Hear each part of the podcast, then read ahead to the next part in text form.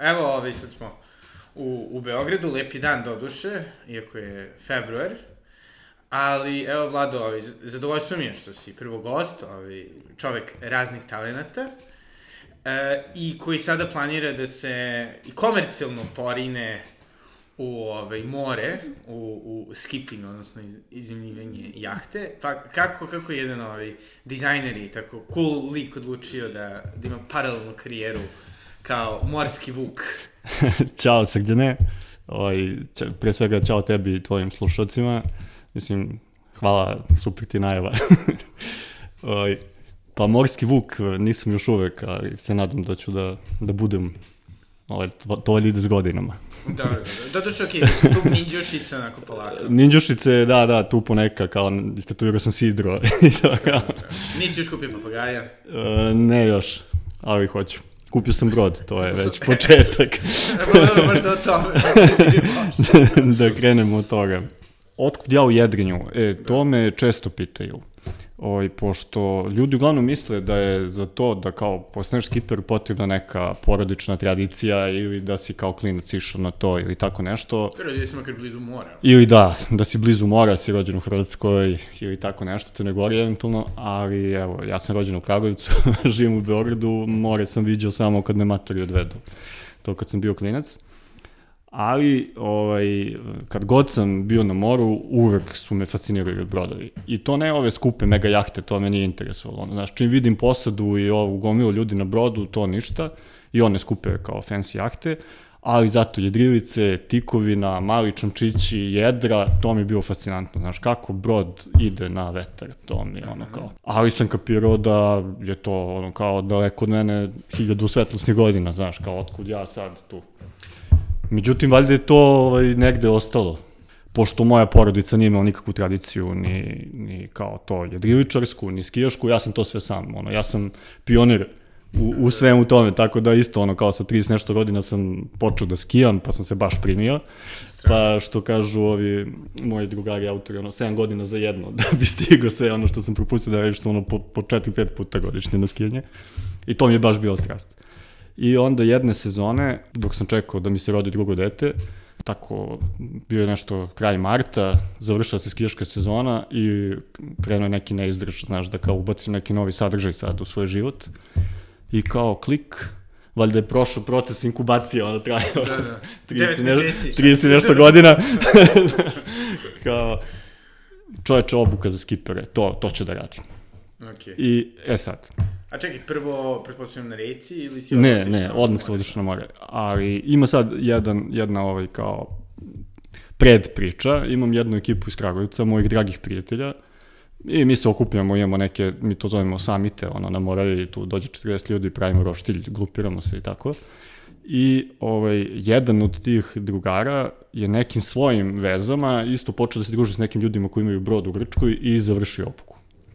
I verujem da mi on upalio lampicu kad je rekao da završi obuku, ja sam to kao primio kao informaciju to na nekom od tih kao druženja i ništa, to je tako. Međutim, to kad sam kao imao slobodnog vremena i kad me to sevnulo, kao daj. I onda sam povezao da je to verovatno došlo i od njega i od cele te priče, što je bilo super. I ovaj, zato što sam posle, najveći problem je kad završiš obuku, to ti je kao i kad pođeš za kola. Znači ti pojma nemaš šta radiš. Mm -hmm. A, znaš, sad kao kod automobila, ok, ono, kao sedneš sa nekim pa se voziš po gradu, a sad kod broda, odakle ti?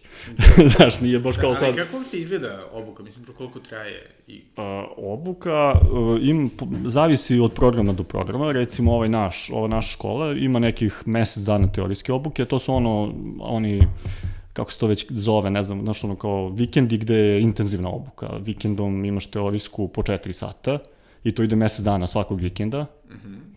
sad subote i nedelja ne mogu setim. I o, ništa, kad to završiš, radiš neki test u učionici, kad to prođeš, ideš 7 dana praktično obuka. Četvrtog dana položeš e, prvi test, to je ono za crew, kao, pošto ti ne moraš da ideš do kraja, ne moraš da budeš mhm. skipper, možeš samo da završiš obuku, nećeš licencu, i tako, ono, kao, znaš, znaš kako se to radi i budeš posada.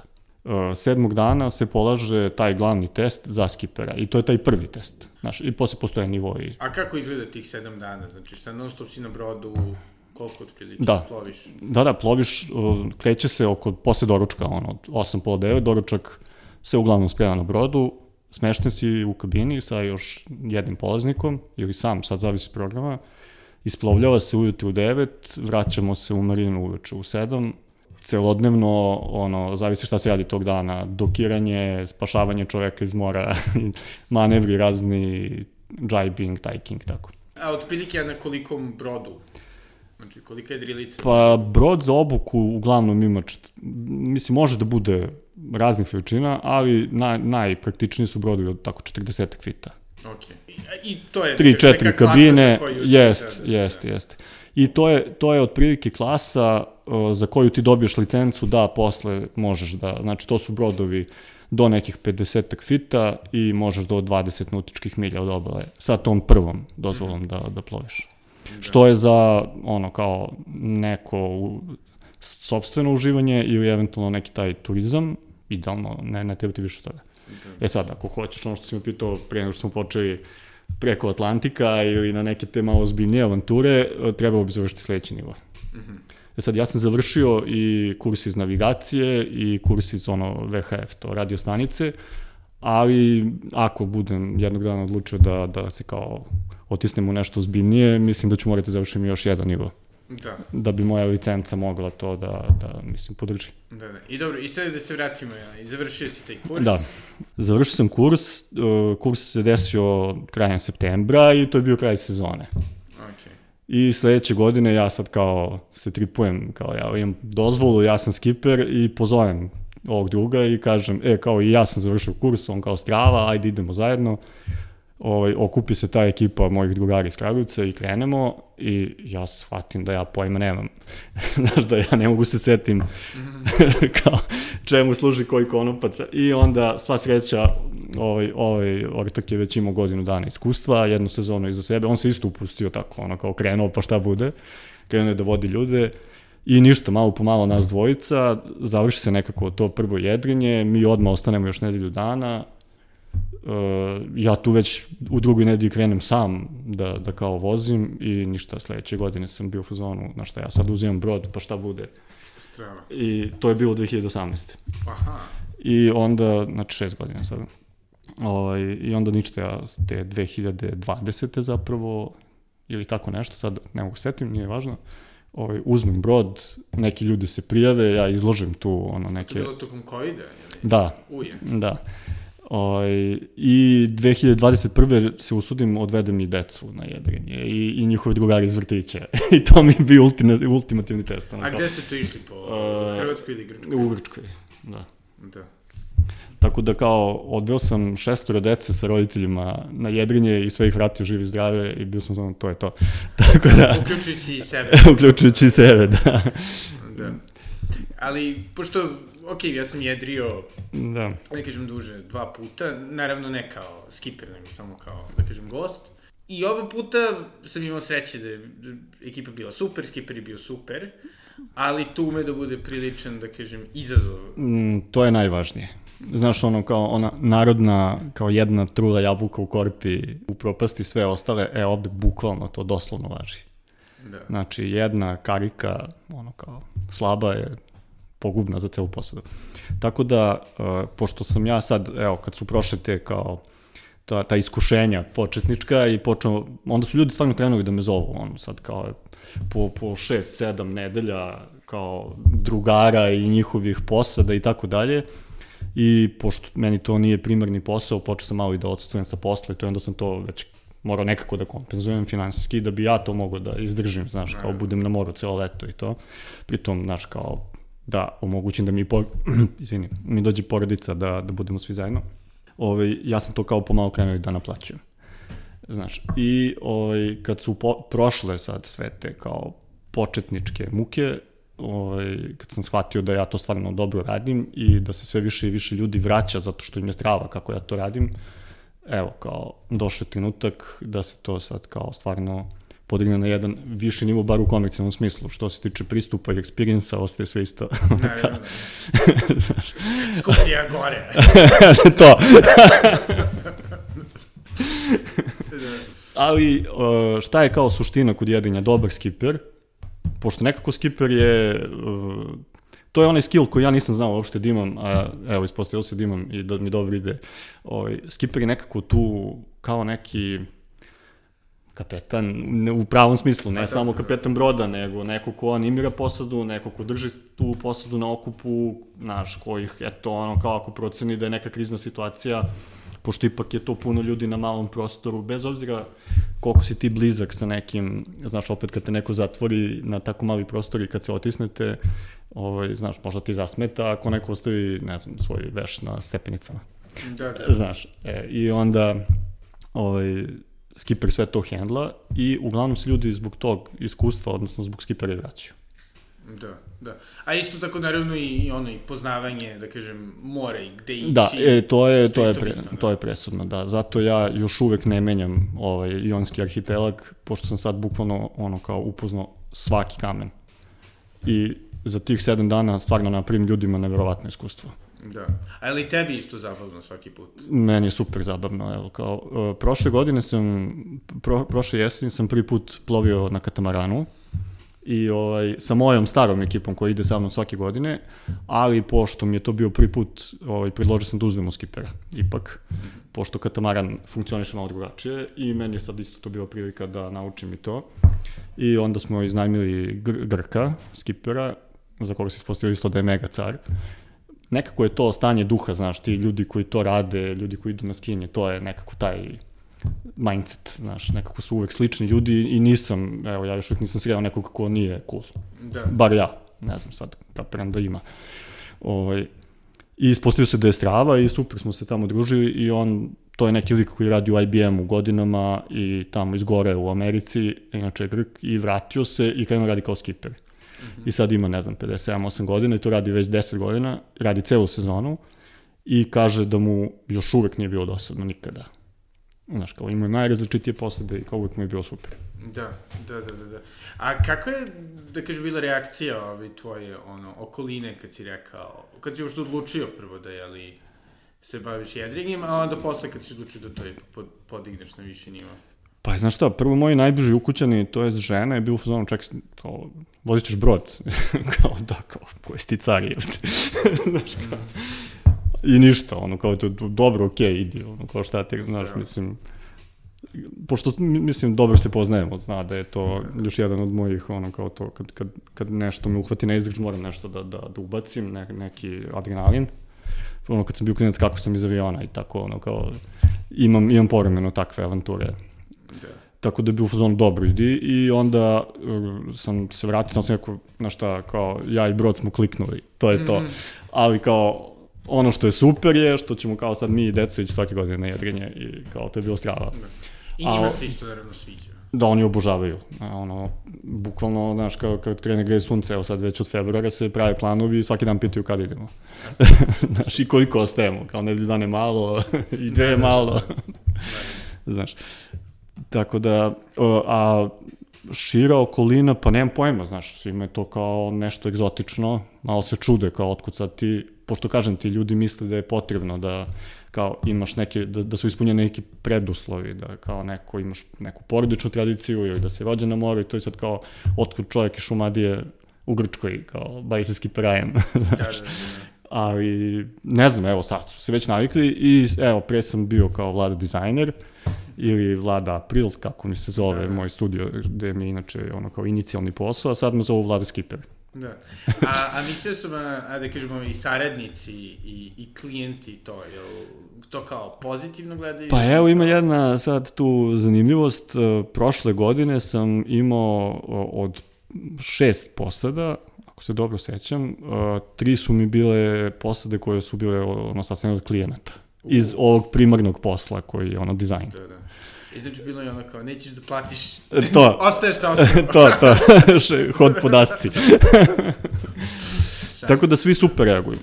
Uh, znaš šta, to je nekad, evo sad naše generacije, ovaj, koje se, ako, uopšte ono kao razmišljaš i ti o tome, to je nekad jedrinje bilo ono kao rezervisano za bogataše, ono kao mondenski sport, uh, jedrilice su preskupe i sad, tad mogu misliti koliko su koštale i ti si mogao na to da odeš samo ako te neko pozove i tu si uglavnom viđao one neke super bogate Britanci ili Italijane u onim brodaricama sa onim prugastim majicama i nekim prelepim ženama u onim lanenim haljinama kako da, se tu šetaju po marini i to je kao bila neka viša klasa rezervisano za neke drugi ljude.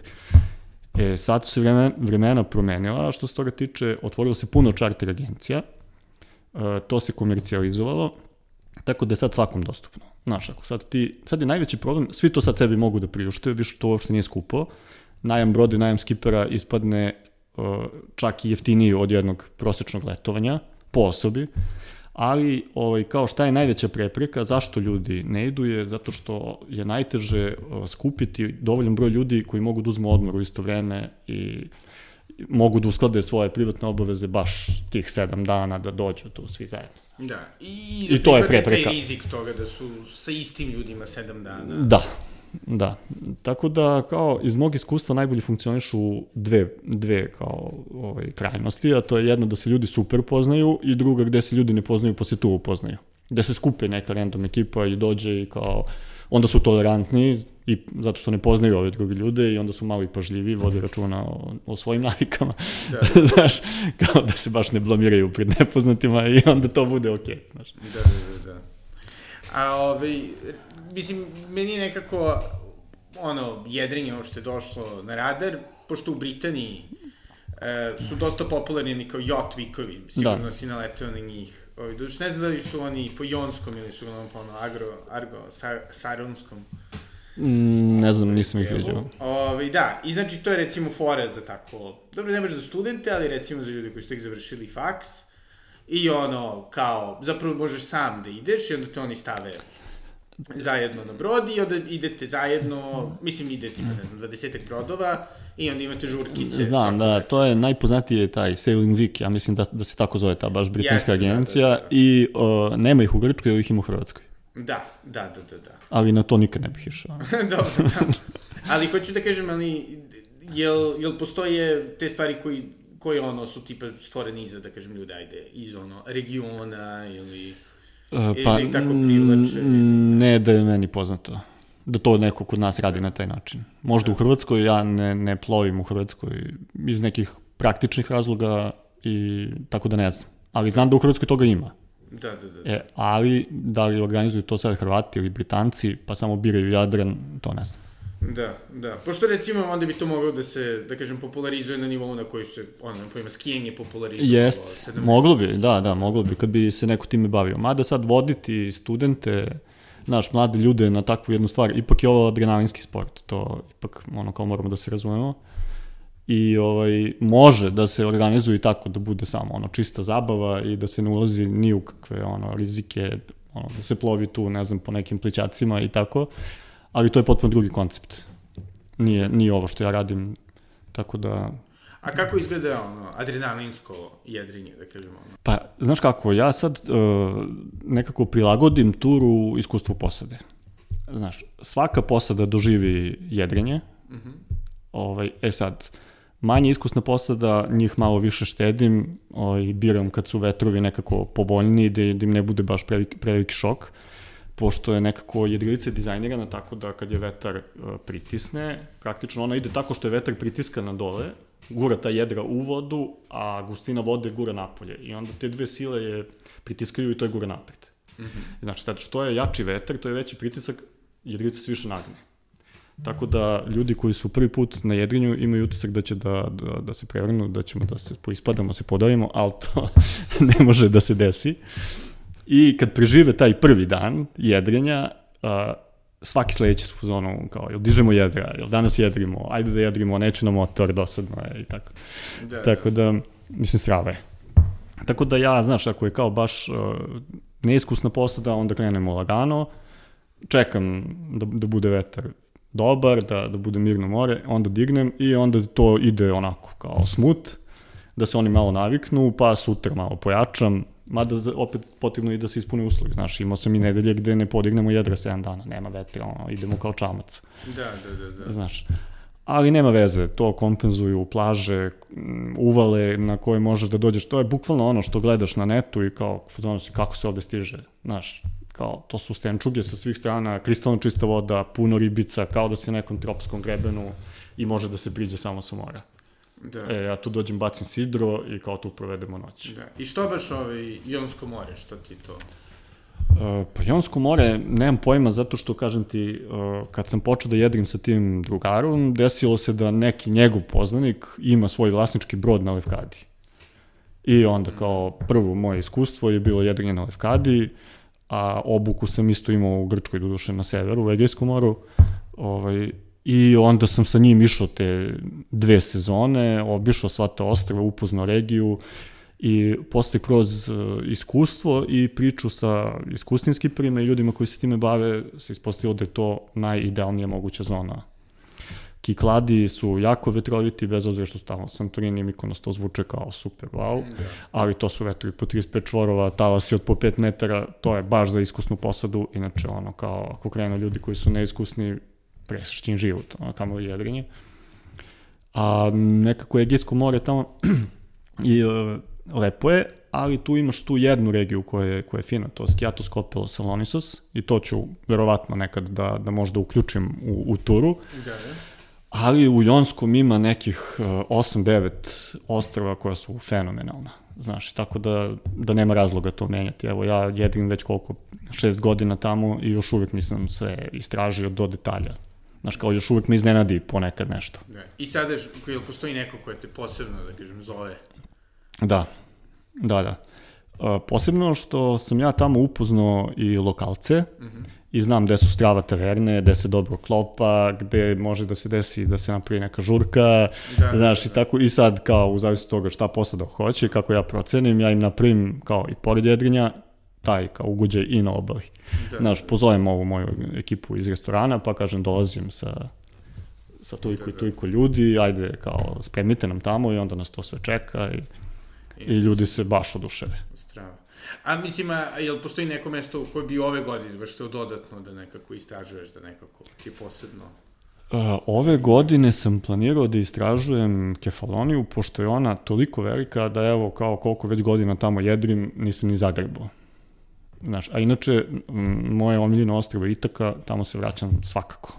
Znači, tamo, Poetično. da, pola, pola te čarter nedelje koja traje od subote do subote, ovaj, gledam da provedem na Itaki, pošto, mislim, nadam se da ćeš imati priliku, eto, da, da jednom kreneš, da ti to pokažem, to je bukvalno ona ljubav na prvi pogled. Da. A šta je nije- čini toliko izuzetno? Nemam pojma. Ima neki vibe koji je ono nestvaran. Ne znam, evo, meni bar, a i većini ljudi ko, ono, kao, većina ljudi deli moje mišljenje. Okay. I ono kao, ne znam, evo kad budeš došao vidjet ćeš. Mislim, voda je prelepa, ostrvo je prelepo, priroda, uh, jako podsjeća na Jadran, možda je to, možda to zbog našeg ono DNK i veze sa, sa Jadranom, nemam pojma.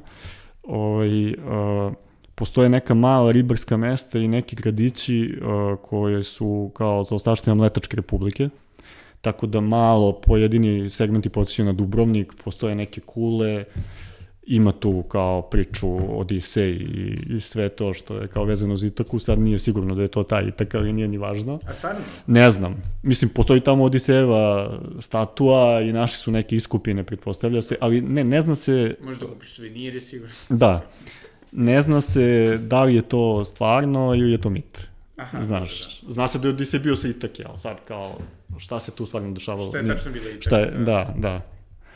Ali nije ni važno.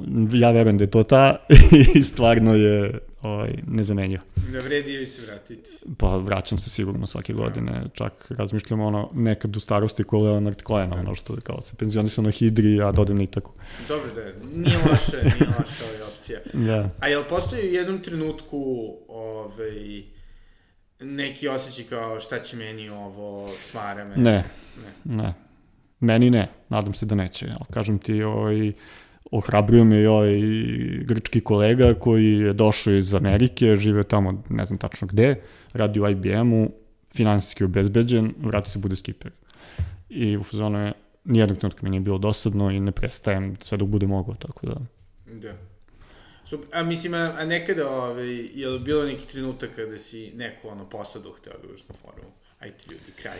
Jeste, ali nije bila moja posada. Hm, dobro, dobro. pozvao me kolega, kog sam već više puta pomenuo, uh, rekao mi da ima jednu jako nezgodnu posadu, zahtevnu da tako kažem. Nezgodnu zato što se ljudi nisu treznili, nije zato što su nešto kao zahtevni i imaju neke, ne znam kakve ono standarde, nego ih baš nemaju. I onda je... I, ovaj, I onda je rekao, e, mislim da će mi trebati pomoć, pošto ne znam da li ću moći da ih hendlam.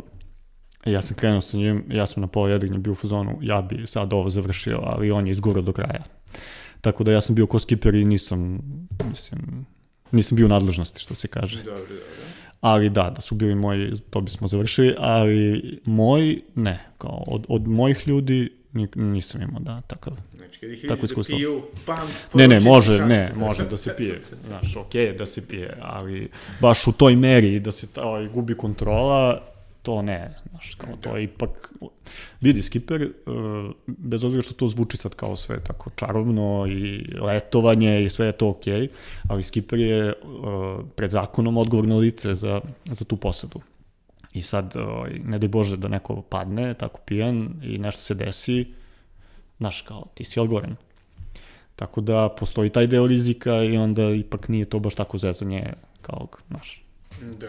da se ljudi ponašaju baš neodgovorno, nije, nije okej. Okay. Ipak je to brod, nije, znaš, kao, nis, nismo u Budvi na, na, na plaži, pa kao, znaš, Da, da, ili tamo u odeš, klabingu i pa radiš šta hoćeš, baš mi briga.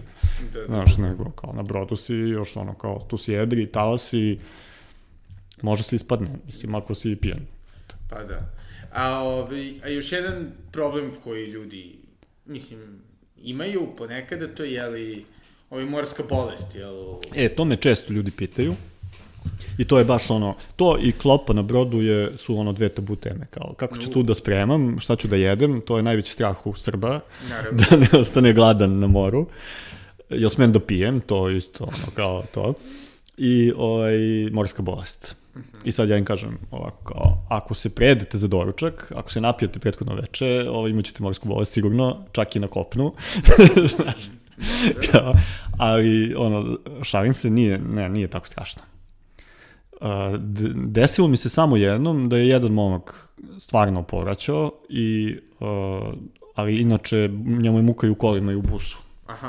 Znaš, tako da, ali to je, to je bilo samo tog prvog dana, onda smo pristali, izašao na obalu, malo se iskulirao, sutra je nastavio i evo ga sad vraća svake godine.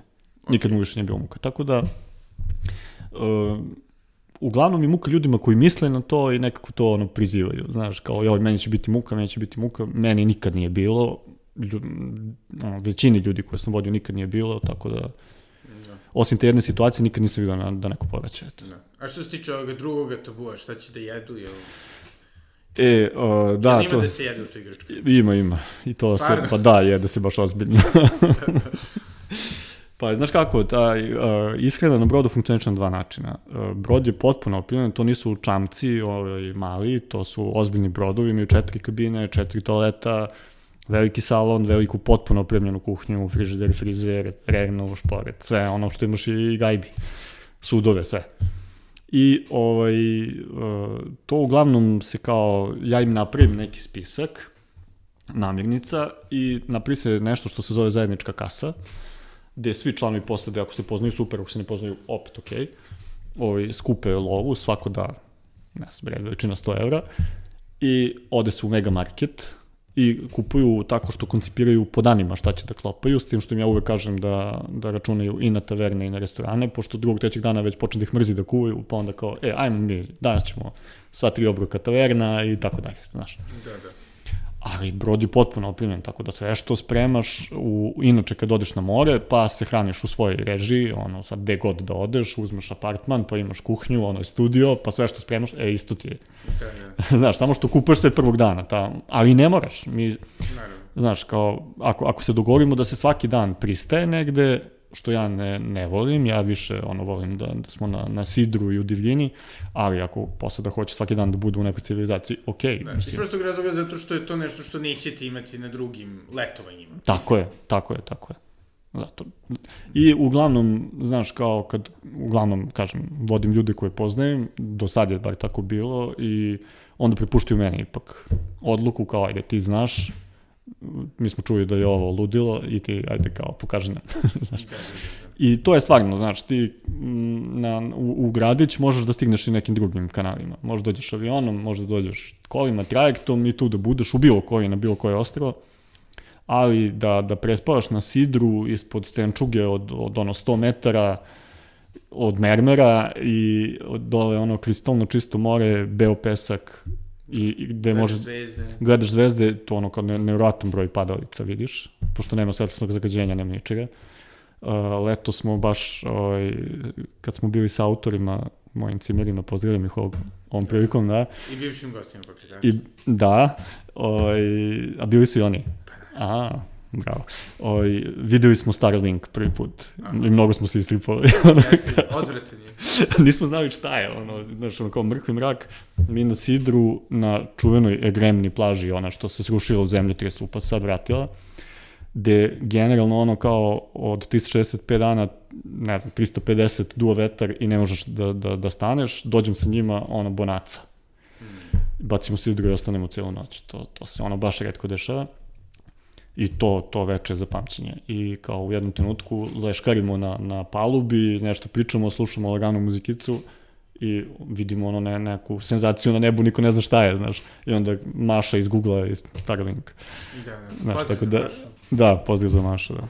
Ove, ne se buduću gošću. Um, ali, ali, ajde sad da se vratimo ove, tome kao, a kako je, da kažemo, ono, balansiranje tvoga, da kažem, posla, jeli, April studija, sa, Da, e, ono što nismo rekli na početku, da, možda je sad za slušalce bilo malo zbunjujuće, pošto pominjem neki april i dizajn, e, ja sam po struci grafički dizajner, završio sam fakultet primenjenih e, u Kragujevcu, pa specializaciju ovde na FDU i sa kolegom sa faksa sam pre nekih 11-12 godina pokrenuo dizajn studio koji se zove April. I ovaj, eto, to, to nam je primarni posao. I ovaj, korona je nekako dosta tome kumovala sad i dala mi slobodu, zato što su sad ljudi navikli da posle korone i online funkcioniše kao sistem isto, a to je jedan, jedna kao stvar, a druga stvar je ono kao zahvaljujući kolegi Milošu koji stvarno ima strpljenja za mene i razumevanja za te moje ovaj, akcije, ovaj, on, on, me pokriva, mislim, nas dvojica to zajedno vodimo i onda ja sam online, čujemo se oko svega i to je to. Da, On je tu fizički, ja nisam. Kad se ja vratim, onda on ode na svoj odmor. Ali tako, mislim, funkcioniše zato što nas dvojice to vodimo. Eto. da, da. A, a što bi rekao, ovaj, recimo, ljudima koji tako bi hteli da se otisnu, ovaj, bilo je u jedrinje, bilo je u skijanje, ili neke, da kažem, ono, ambicioznije puteve, kako, kako, šta bi recimo sebi savjetovao što nekako si previđao kad si krenuo ovo? Pa njima bih savjetovao da, ono, mislim, stvarno sad zvuči kao fraza, ono, ali dobro. kao da, da slede svoj san. Stvarno je to, mislim, jedini način. Da. Mislim, znaš, kao mora hrabro, pa ništa, kao ako se ništa ne desi, vratiš se gde si bio, pa idemo nova tura, nova avantura. Da, Znaš, da, da, ali ako ne probaš, ne znam, kako ćeš nešto promeniš. da. Znaš, ja bih savjetovao svakom da odmah napusti konvencionalni posao To se apsolutno slažem. i, i da proba nešto, ono što, što da, da proba da živi svoj san, znaš, da proba da, da, eto, ja sam kao otišao na jedrinje, nisam imao pojma šta će od toga da bude, da će to meni da se svidi, znaš, kao, okej, kao upecao sam se na to kao klinac, ali više na taj, kao to, taj dizajn brodova, možda i zbog te moje dizajnerske, kao, zbog tog senzibiliteta, nemam pojma. Ovaj, mogu se ne desi ništa. Mogu sam da odem tamo, da se smorim, da mi bude dosadno, da kažem, brate, ovo nije za mene i ništa, vraćam se kući, to je to. Nastavljam da radim u studiju. A je li bilo nekih takvih iskustava ranije u životu? Mislim što pokušao, bilo prvo, a, delovalo mi cool, neću. mm, pa nije. Dobro. Znači, lako se navlači. pa izuzetno lako. Strava, strava. Mislim, sreće da se nisam navu- navukao na to skakanje iz aviona, ali Da.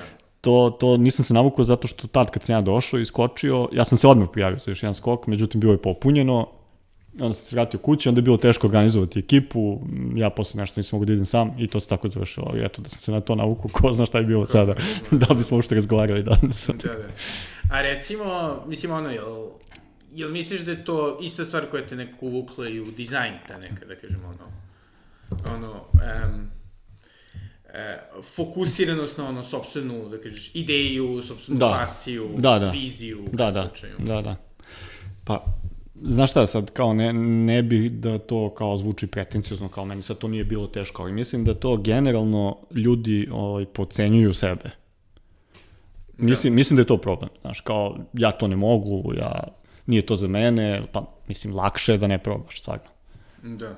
Ali ako veruješ da je to i probaš bez nekih pretjernih očekivanja, kao ideš, to je tvoj cilj, pa ko zna gde će da te odvede, mislim. Da. A kako si se ubacio u dizajn uopšte? Uh, pa isto kao i u jedrenje. Eto, ovaj, uh, isto su se ljudi čudili kao kako ti sad dizajner nikad nisi pokazivao nikakve to kao afinitete kad si bio mali i to prema i Šta tipa ono slikanju. ni u srednjoj, ni... Pa da, ali zapravo jesam, ovaj, kao u jednom trenutku sam nešto počeo da slikam, to mi je, to mi je kao, to me baš fasciniralo, to sam obožavao, ali, znaš, opet, kao nisam imao nikakvu tradiciju, ništa moji s tim nisu bavili, ono, ni- ni- nikad me nisu ni usmeravali, znaš, kao, u, ka, ka tome. Ali ja sam, eto, u jednom trenutku, ono, mi je nešto kliknulo, da li je to, ono, kao, ne, iz nekog prošlog života, nemam pojma, znaš, ono, kao neki unutrašnji poriv, kao čoče, meni se slika, znaš, meni kao privlače me slike, krenuo sam da idem u muzeje, krenuo sam kupujem istoriju umetnosti, ja čitam i tako dalje. A kada je to bilo? Pa ne znam, nešto ono 15-16 godina, na primjer. I, ovaj, međutim, to nisam, nisam nešto kao, još sam nisam što kažu auto, tad kao Da. neki umetnik, nego sam to držao za sebe, znaš, tako. I onda sam malo po malo stidljivo krenuo, kupujem boje tempere prvo, nešto crtam, slikam i onda sam se učlanio u neko udruženje prvo, pa malo tu kao prvi koraci i onda sam upoznao jednog eh, profesora slikarstva i pričao sa njim o tim svojim kao, kao afinitetima, što se kaže. Pokazao mu neke svoje radove i on je bio u fazonu, pa vidi, ovo uopšte nije loše, aj ti dođeš kod mene na, na kao časove. I onda smo nas dvojica krenuli da radimo, on je krenuo da sprema za akademiju. I onda prvi prijemni ispit ovaj, odem na Prištinsku akademiju, na slikarstvo, prođem prijemni, međutim zbog celog onog haosa, tad ono rat i šta je sve bilo, to je bilo na severu Kosova, nešto mi to nije bilo baš ovaj, kao ok, to je bio junski rok i onda mi ovaj, mislim, znaš šta, ipak mislim da se ništa ne dešava slučajno. Ja, ovaj, kao moja keva ispriča nekom svom kolegi za, za to šta sam ja počeo da radim, da, i da sam išao dole na primjenje, i on kaže, e, pa čekaj, znam ja na primjenjenom, na primjenjenom jednog mog ortaka, kao radi tamo kao neki sekretar, ajde da ga zovem da vidim kad je njima prijemni možda da proba da ne ide dole, ipak Kosovo i to pitanje šta će se desi. Ovaj kaže, naravno ima u septembru rok, ajde kao, daj, evo, evo, pošalje on kao uslove prijemnog ispita i ja krenem tih tri meseca preko leta intenzivno da se spremam za dizajn. Mislim, prijemni je dosta sličan, crtanje i slikanje, ovaj, kao šest dana traje prijemni, e, četiri dana, ako se dobro sećam, sad davno je bilo, crtanje i slikanje, jedan dan plakat, jedan dan neki logotip. I ništa, ja sam tu malo to kao vežbao preko leta plakate, to, tad sam se upoznao sa dizajnom, pre toga sam bio u fazonu, ja sam slikar. I, ovaj, i prođe mi taj prijemni. I onda izaberem da ostanem ovaj, pošto je to bilo jedno odeljenje primenjene Beogradske, otvorilo se u Kragujevcu te godine. Ja sam bio prva generacija. A, strano. Da, profesor je Beogradski dolazio i tamo, na mašinskom fakultetu, pošto mašinski tamo pukao nešto u Kragujevcu, imali su ono, dve trećine faksa je bilo prazno, Da, zbog zastave, predpostavljam. Da, i onda su izdali Beogradskoj primenjenoj. Sad je Kragujevački univerzitet otvorio svoj fakultet umetnosti. Sad imaju i, i dizajn, i interijer, i muzičku akademiju i svašta. Strano. Imaju svoje kadrove od ljudi koji su studirali sa mnom, tako da to je sad super tamo. A, lepo, lepo. Ali ja sam eto kao učio od beogradskih ovih kolega, profesora, mislim kolega, profesora, i ovaj, po, i posle sam došao u Beograd, na, pošto sam imao ono Đinđićevu stipendiju kao jedan od najboljih u klasi, ovaj, imao sam besplatne postdiplomske i onda sam došao na, na FDU. Da, je Završio to vreme. značilo? Da, Da. da, da, to, to me... A u kom aspektu najviše? Pošto je tako to bio iz kao komunikacija i mislim više koliko sam shvatio taj ono širi, širi deo ne samo umetnički. Misliš ovo, specijalistički na Da, FDU? da, da, da. Pa je, znaš da, tu, uh, znaš kako, ti si tamo na, na fakultetu dizajna, uh, ne znam kako je na privatnim fakultetima, ali znam kako je na primenjenoj, verovatno i dalje. ovaj, ti si tu u nekom balonu. Znaš, nisi uopšte izložen tržištu, učiš dizajn, ložiš se na umetnost, da, da će ti sad tu da, da izmisliš neki novi pravac i da ćeš tu da, da, da napraviš ne znam kakav preokret, znaš, i što je super, znaš, kao ne, ne lometi krila odmah, ali ovaj, kad završiš i kreneš kao toga da živiš, pošto je to ipak kao zbog toga to i radiš, ipak je to primenjena umetnost i treba nekom to da kao uradiš da to ima primjenu u praksi, shvatiš da su to dva od sveta. I to je najveći šok za mnoge i mnogi tu stanu. Znaš, kao mnogo, mnogo dobrih dizajnera nikad nije napravio ništa od svoje karijere zato što kao prosto se nisu, nisu imali skillove. Te kao da, da kao to sad komercijalno rade, znaš. Da, da. E sad, taj FDU je bio značajan zato što je ta, taj program je bio koncipiran tako što su dolazili uh, ljudi iz struke, uglavnom vlasnici medijskih agencija, marketinških agencija, profesori sa drugih fakulteta, evropskih, svetskih, dolazili su iz Amerike, čak mi je i Boris Tadić predavao marketing u politici. da. Ne, e, neko bi rekao, ono, those who can do teach, ali možda ne. da. Taj predmet sam najmanje volio. da, da, da, da, da. I onda sam, to je to, znaš, kao, onda upoznaš ljude koji stvarno to rade, žive od toga. Nisu dizajneri, ali su u, tom, u toj sferi. Da. Znaš, i onda, eto, to, to me isto do nekve ovaj, us, usmerilo u sve ovo u dizajn. Da, i, i onda si odlučio da se baviš, jeli, brandingom. Pa je, znaš kako, ta, tako što sam se ja zaposlio prvo, znaš, nisam ja odmah kao krenuo sa svojim studijom, nego sam se zaposlio ovaj, u marketinškoj agenciji. U tom trenutku u Beogradu nisu postali dizajn studiji, postali su marketinške agencije. I uglavnom su bile franšize velikih kompanija, znači, no, kao McCann, Leo, Leo, ne znam, Ogilvy, šta je sve tu bilo. Ja se zaposlio u jednoj od takvih. Promenio sam ih više, ono, skoro, skoro sve. I onda su mi oni ono kao pokvarili sliku o svemu tome, ta mas produkcija i, znaš, kao prilično jedan površni pristup svemu tome, daj da se to odradi danas, skini neke fotke sa šatera, napravi neku kompoziciju, nešto izlupa i tu šaljem oglas u štampu i čao. I ništa, ja sam to radio neko vreme, ovo ok je bila plata, to, to me kao tu držalo, ali znaš, ono, kad sam posle nekog vremena pogledao, kao, brate, ja nemam ništa u svom portfoliju, znaš, kao, nisam, nisam se za ovo školo, ovo nije, ovo nije moj, nije, nije moj, Pasija, ono, kao, drive, što kažu. Znaš, ali opet s druge strane, pošto nisam iz Beograda, znaš, kao morao sam neka finansijska sredstva da obezbedim da bi tu mogu da, da budem, znaš. Tako da sam pravio kompromis kao, a sa strane, pošto je se internet u tom trenutku već ono razvio, krenuo sam da jurim neke tako oglase, neki freelance i, ovaj, i onda je to krenulo tako pomalo.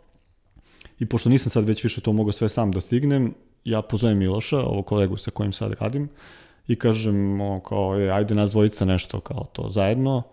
I on kao, aj važi, on isto tad radio nešto, vratio se iz Pariza, bio je tamo na nekoj praksi I ništa, mi tako nešto, ono, kao freelancujemo, prebacujemo jedan drugom o neke svoje projektiće, pošto on igrao šah, pa imao neke iz tog sveta, kao neke kontakte, pa ja isto i ovaj, u jednom trenutku zabodemo neki oglas da se dizajnira neki newsletter za neke dance, neka danska kompanija koja ono kao H&M samo radi u Skandinaviji i kao samo postoji na tim tržištima ali ovaj Helen Christiansen im je zaštitno lice i tu kao ja vidim da je ono kao big deal, nije, znaš.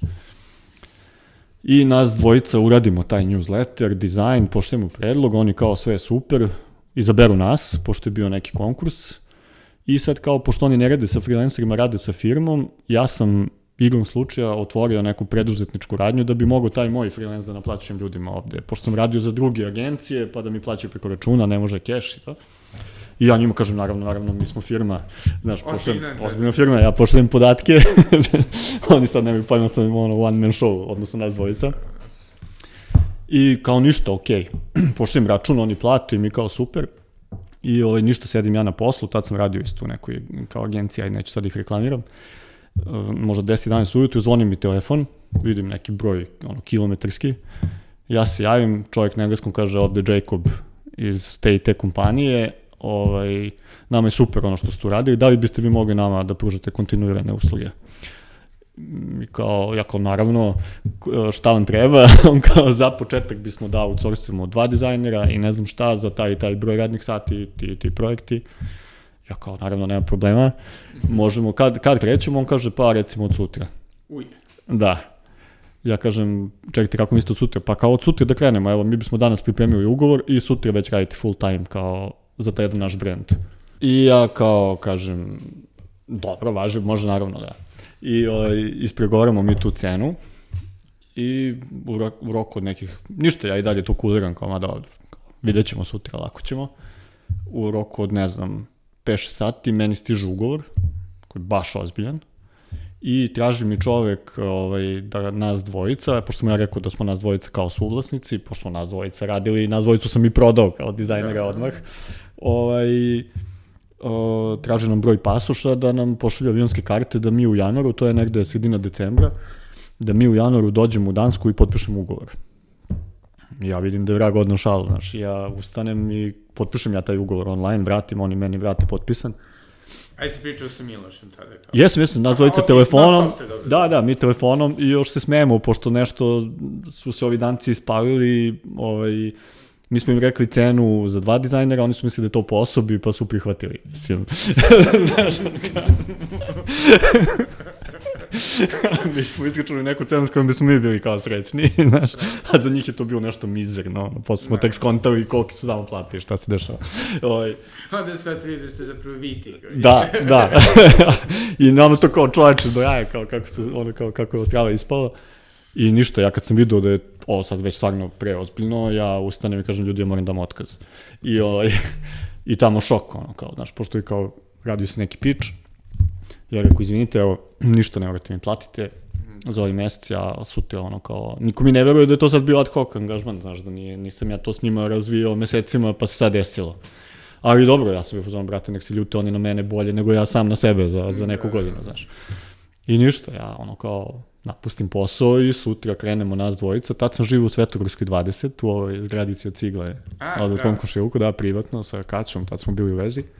Ovaj, I ništa, Miloš se pojavi kod mene i nas dvojica u kuhnji mojoj, kao napravimo paravan, ovo sad zvuči kao da izmišljam, ali znaš, kao napravimo paravan, stavimo sto kompove i, ovaj, i ovi nazovu kao preko Skype-a, tad još koristi Skype aktivno i mi palimo i kao to je naša firma, mi ono iza nakitili, znaš, stavili neke grafike, stavili... Dobro, niste stavili green screen, Da nismo, nismo, ne, ono, kao stavili neke knjige, slike, nešto, a ovako pored, ono, tiganje sa jajima, znaš, ono, kao smo završili doček, tu mi neki mali šporetić, što smo živeli u jednosobnom stanu, znaš, kao dole sedimo u pidžami, ja bar, ono, kao, da, da, da, da. gore sam samo obuku košulju i kao, bukvalno ono, kao filmska scena. I, ovaj, I ništa, kad se to, kao, eto, tih, izguramo nekako do januara, odemo u Dansku, brate, tamo sad ozbiljno, ono, kao, doček, potpišemo ugovor, ono, kompanija ogromna i za godinu dana mi zaposlimo 12 ljudi. I dogovorimo se odmah, uh, kao, ne radimo advertising, radimo branding. Bavimo se dizajnom, kao, zajebi ovo. Znaš, kao evo, ovi danci sad obezbeđuju, a mi ajde, ovaj, kao pošto sad imamo love, da, da stvarno radimo neke cool projekte. I onda je, kao počeli smo gradimo portfolio od tog trenutka, trebalo je vremena dosta. Onda nam se posle nekih 4-5 godina pridruži moja sadašnja žena Kaća, koja je u to vreme bila strateški planer u Mekenu, i već je tamo ono kao bila dosta uznapredovala, ali je izgorela isto u advertisingu u Srbiji. I ona nam se priključi kao brand konsultant i brand strateg i to nam isto stvarno baš mnogo značilo. To šta nas je ona naučila i ovaj, šta, šta smo ono, kako, kako se strateški postavio brand, mi smo, mi smo dizajneri, kao, znaš, mi smo mislili to sad, dođeš mi ti radimo logo, u stvari kao sve ono što ide ispred toga i kako se pravi kreativni brief za taj logo i šta on treba da priča kako treba da izgleda, koji ono što kažu tone of voice. Pokušam da izbjegavam ove engleske termine, ali prosto ne znam čime da ih zamenim. Da, mojim ovaj podcast, mora da imaš. Da. Trebaš više da ih koristiš. Jel da?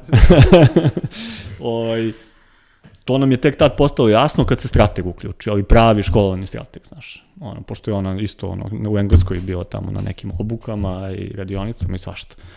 I onda je tako april vremenom, polako, ono kao korak po korak, izgradio neki portfolio, počeli su ljudi da nazovu zbog dizajna uh, i to je to. Naš, sa dancima smo završili, tu firmu su prodali na berzi, nažalost, završio se ugovor, mi smo eto imali neke zalihe para na računu od kojih je to funkcionisalo još neko vreme, onda smo to potrošili pa smo ono kao jedva preživeli naredne godine. Ali eto, sad smo opet okej. Okay. Da, super, super, super. I, Ima nas manje. Da, nažalost. Da, ali okej, okay. mislim, tu smo i sad, sad nas već ljudi znaju, imamo ono karakterističan stil i rukopis i dolaze zbog toga i to je to. Da, i ovi, ali ti se čini da nekako i sa strane, mislim, kupaca, klijenata, Ove, I u Srbiji postoji, post, stvorila se veća svest da nije samo kao, aj mi nacrte da. neki logo, ajde. Da, da, da, da, definitivno. I platit ću te kao, da, da, da. 500 dinara. Da, da. Ima i toga još uvek. Ali, ali, znaš, kad im pošaljemo inicijalnu ponudu, odmah shvate da su se lutali, tako da... Da. A recimo, ovaj, a jel sad imate ono malo frku, ne znam, od AI-a? Pa ne. Mm, bar mi ne. Ne da. znam, možda ćemo imati. A mislim da je to baš zato što radite branding. Da mislim da da. širu priču, ne samo kao nacrtaću ti nešto. Da, postoji. Da, da, mislim da, da od AI-a treba malo da se, treba više se brinu ljudi koji, koji rade ove stokove, zato što te generičke stvari mislim da može da radi, a ove stvari gde ipak, znaš, kao sad, počeli su ljudi da angažuju April zbog našeg portfolija i zato što je to sve nekako stilski već usaglašeno i tu je jedan prepoznatljiv pristup i rukopis i sad ne znam kako bi AI to mogu da mečuje, ipak ovde ti radi neki živi čovek, znaš, koji, koji godinama u tome to ono razvijao svoj neki, znaš, to je sad kao da ti je AI, ajde da ne zvuči, ne znam sad, pjetnice, na, na, teraš AI da ti naslika Konjovića. Da, da. Znaš, ne može, prosto. Ali da ti ono polupa neku ilustraciju generičku, to može. E sad. Da. Tako da mislim da smo mi safe, ali da će u budućnosti mnogo ljudi ostati bez posla, mislim da da. Možda i mi, nemam pojma, ne di Bože, ako ćemo drvali. I zato si odlučio ovaj. Nadam se da ja i neću da moći vozi brod nikad. zato si odlučio da proširiš svoj portfolio da, ovaj, da, sa, da, da. sa biznisom. Da. Ovaj, ali, eto, isto slušalci moraju da, da shvate da je vlada isto izrazito neobičan, zato što je možda jedina osoba koja se ikad bavila crossfitom da to nije pominula. A, jel ta? da u istoriji. Jeste, upravo si, pošto to kao kad kažeš to je ono sekta. Da. Ja kad sam otišao na CrossFit, on se rekao da došli si u sektu, da znaš. I stvarno jeste bilo. I koliko je to držalo? Ili ti dalje drži? Mm, držim je i dalje, ne treniram više aktivno crossfit, ali sad kao koristim to iskustvo, napravio sam sebi neki program, treniram sam, da. koliko god mogu, sad ono kao stroje dece i dva posla, porodične obveze i tako. Ovaj, ne znam da sam pomenuo, imam tri čerke i ovaj, kao I opet, pored toga, mislim, hvala moj ženi na razumevanju, ono kao, stižem sve. Ovaj, ali eto, uspevam pomalo i sam da treniram, ne mogu više tako aktivno kao nekad. Ali mi je CrossFit pomogao, eto, da sad ja napravim neki program koji meni prija. A to me držalo, boga mi, jedno, ne mogu sad baš tačno da se setim, ali sam trenirao jedno 3-4 godine. Ono, baš aktivno. Strava. I to sam... Pa vidi, nisam, ali sam već došao blizu bio. O, još sam išao, upao sam u neku grupu od 7 i 15 ujutru, to je bio pet nekih fanatika koji nisu propuštali treninge u 7 i 15. I posle, ja sam prvo krenuo, pošto sam trenirao dole u onom prvom timu, ovaj, krenuo sam, ono, ima neka Foundations se tada zvala, neka početna grupa, pa su onda ovi treneri skontali da bi ja mogao da pređem u onu srednju, to je bila greška, velika moja, što sam prihvatio. Onda sam ušao u tu srednju grupu i tu je baš bilo kidanje. To je bilo ono kao pet puta nedeljno, ustajao sam u pet, u 7.15 bio na treningu, onda sam krenuo da, da uzimam ono suplemente da bi mogu uopšte da izdržim te treninge, da izdržim radni dan. Ono, pa te kao posle nekog vremena sam bio samo čekaj kao koja je poenta. Znaš, kao moram da uzimam kreatin i protein i ne znam šta da bi rekreativno trenirao, znaš. I onda sam se iskulirao. Strava. Jel držiš ovaj neki crossfit časove na brodu? Ne, ma jok. Ne. Ne, sad uh, uglavnom vežbam one tabate. Ne znam ne, da... Ne, ne znam. Tabate su, znaš, ono, 20 sekundi radiš, intenzivno, ono, high intensity, kao imaš na YouTube-u te tabate. Uglavnom neki koreanci drže, japanci. Strava, strava. 20 sekundi imaš neki ono kao rokanje, pa 10 sekundi odmor, pa 20 sekundi i tako ide u nedogled, ono, bez pauze. 4 minuta traje jedan ciklus, pa minut pauze, pa počne novi ciklus. Ok, dobro, suči baš. HC? Pa jeste, ali, znaš, ja uradim 3-4, ono, 15-16 minuta, istreniram ujutru i to mi kao super. Super. A ne radite svi zajedno na brodu, ali kao... Ma ne, ne, ne, ne, na brodu, znaš kako, ono, kao ja ujutru, ako se probudim prostori, hodem da isplivam malo. -hmm. Ali, ako se probudim, znaš. ali ja sam aktivan ceo dan, znaš, ono, to su konopci, to su jedra, to je ono kao nešto tamo failuje, dižem sidro ručno i tako, ono, kao tako da fizikalija je tu I čekaj, ono, znači, prisutna. se zapravo pravi fizički rad, ovaj, te, te jednako razvija kao i rad u teretani, ko bi rekao. Pa da, Neverovatno. da. Ovaj, kako se približujemo kraju, e, gradiš je li novi biznis? Tako je. E, posle ovog jedrenja sa autorima, Bane i Maša su mi dali... For, ovo mora da bude, da se naplaćuje više. Tako je, tako je. Ovi su preterali. Ovim ljudima od sad ne plaćaju. E, Bane i Maša, Bane iz autora i Maša, tvoja drugarica, su mi dali neverovatan broj fotki, dobrih, pošto su nosili analogne aparate i napravili su stvarno magiju. I onda sam, ovaj, i, i dali su mi to ovaj, kao na korišćenje, i onda sam ja napravio neki svoj kao privatni fotoblog, Instagram stranu, to sam na, nazvano Sailing Bastard. I onda su to, kao ljudi su baš super reagovali na to i ja sam imao ideju, ok, kao, to je, to je sad taj moj kao žurnal, što se kaže. Međutim, ovaj, pošto sam ja sad baš dosta dole i upoznao sam puno ljudi, dobijem poziv od jednog skipera iz Zemuna i njegovog grčkog kolege da se ja uključim kao suvlasnik, da mi kupimo brod, oni imaju čarter agenciju, da napravimo školu za skipere, mislim koju jedan od njih ima da to razvijemo i da krenemo kao komercijalno, znaš, time da se bavimo. Sad, oni su prepoznali te moje talente, malo marketinga, ovaj zna dizajn, napriča nam sajt, to, znaš, i kao još je i skipper, win-win. I, ovaj, I pošto to jako skupo, ja isto pozovem jednog mog rođaka i pitam ga, jel tebe to zanima da mi to podelimo? On kaže, strava, hoću, pošto je bio već na jedrenju i mnogo mu se svidelo. I tako mi uđemo u to, u decembru kupimo brod, još uvijek nije završena procedura, pa kao sad ono, još uvijek sam jako oprezan kad kažem kupili smo brod, da, da nešto se ne, to ne ispadne loše. Ali, ovaj, da, ja sam, mi smo se dogovorili sad, ovaj, kao imamo taj jedan naš zajednički brod, gde, sam, gde smo mi 50%, i ovi, ovi partneri su u drugih 50 i podelili smo tako i sezonu, tako da ja sam sad napravio jedan komercijalni profil na Facebooku i na Instagramu, sajt je u izradi, zove se Flow Co. I ovaj, krenuo sam da to promovišem i da prodamo te, te naše nedelje. A, super. I, i do koliko ljudi primaju brodovi? Uh, uh, naš brod je veliki 50, 49 fita, ima četiri kabine, četiri električna toaleta, što je stvarno ono kao wow, pošto su ono, čak i na novim brodovima su toaleti one sa ručnim pumpama, to je, Da. to je pakao, vidjet ćeš kad budeš došao, ako budeš došao na takav brod. Oj, uh, imamo zamrzivač, što je isto velika stvar, zbog leda i svega, imamo frižider, strava je brod, stvarno je ono, potpuno je renoviran 2021. nova tikovina, sve je ono kao top. I taj grčki partner ima u svom kao posedu još dva broda koja su isto nama na raspolaganju za izdavanje. Isto tako da... Slični Sli, svi su isto, sličnih veličina, različiti proizvođači, sad ne znam koliko slušacima, ako nisu skiperi to nešto znači, ovaj, i, ali uglavnom su iste unutrašnje strukture, četiri kabine, četiri toaleta, kuhnja, salon, tako da maksimalni kapacitet brodova je 10 osoba. Da. Preko 8 već ne bi trebalo. Da, da, da, da, znači idealno. Pa najidealnije šest osoba i skiper je strava, ali i osam može. Super. Tako da to je, e, krenuli smo to da promovišemo, krenuli su ljudi da se javljaju, e, imamo već neke rezervacije od klijenata starih, odnosno sadašnjih klijenata do skorašnjih ono kao prijatelja.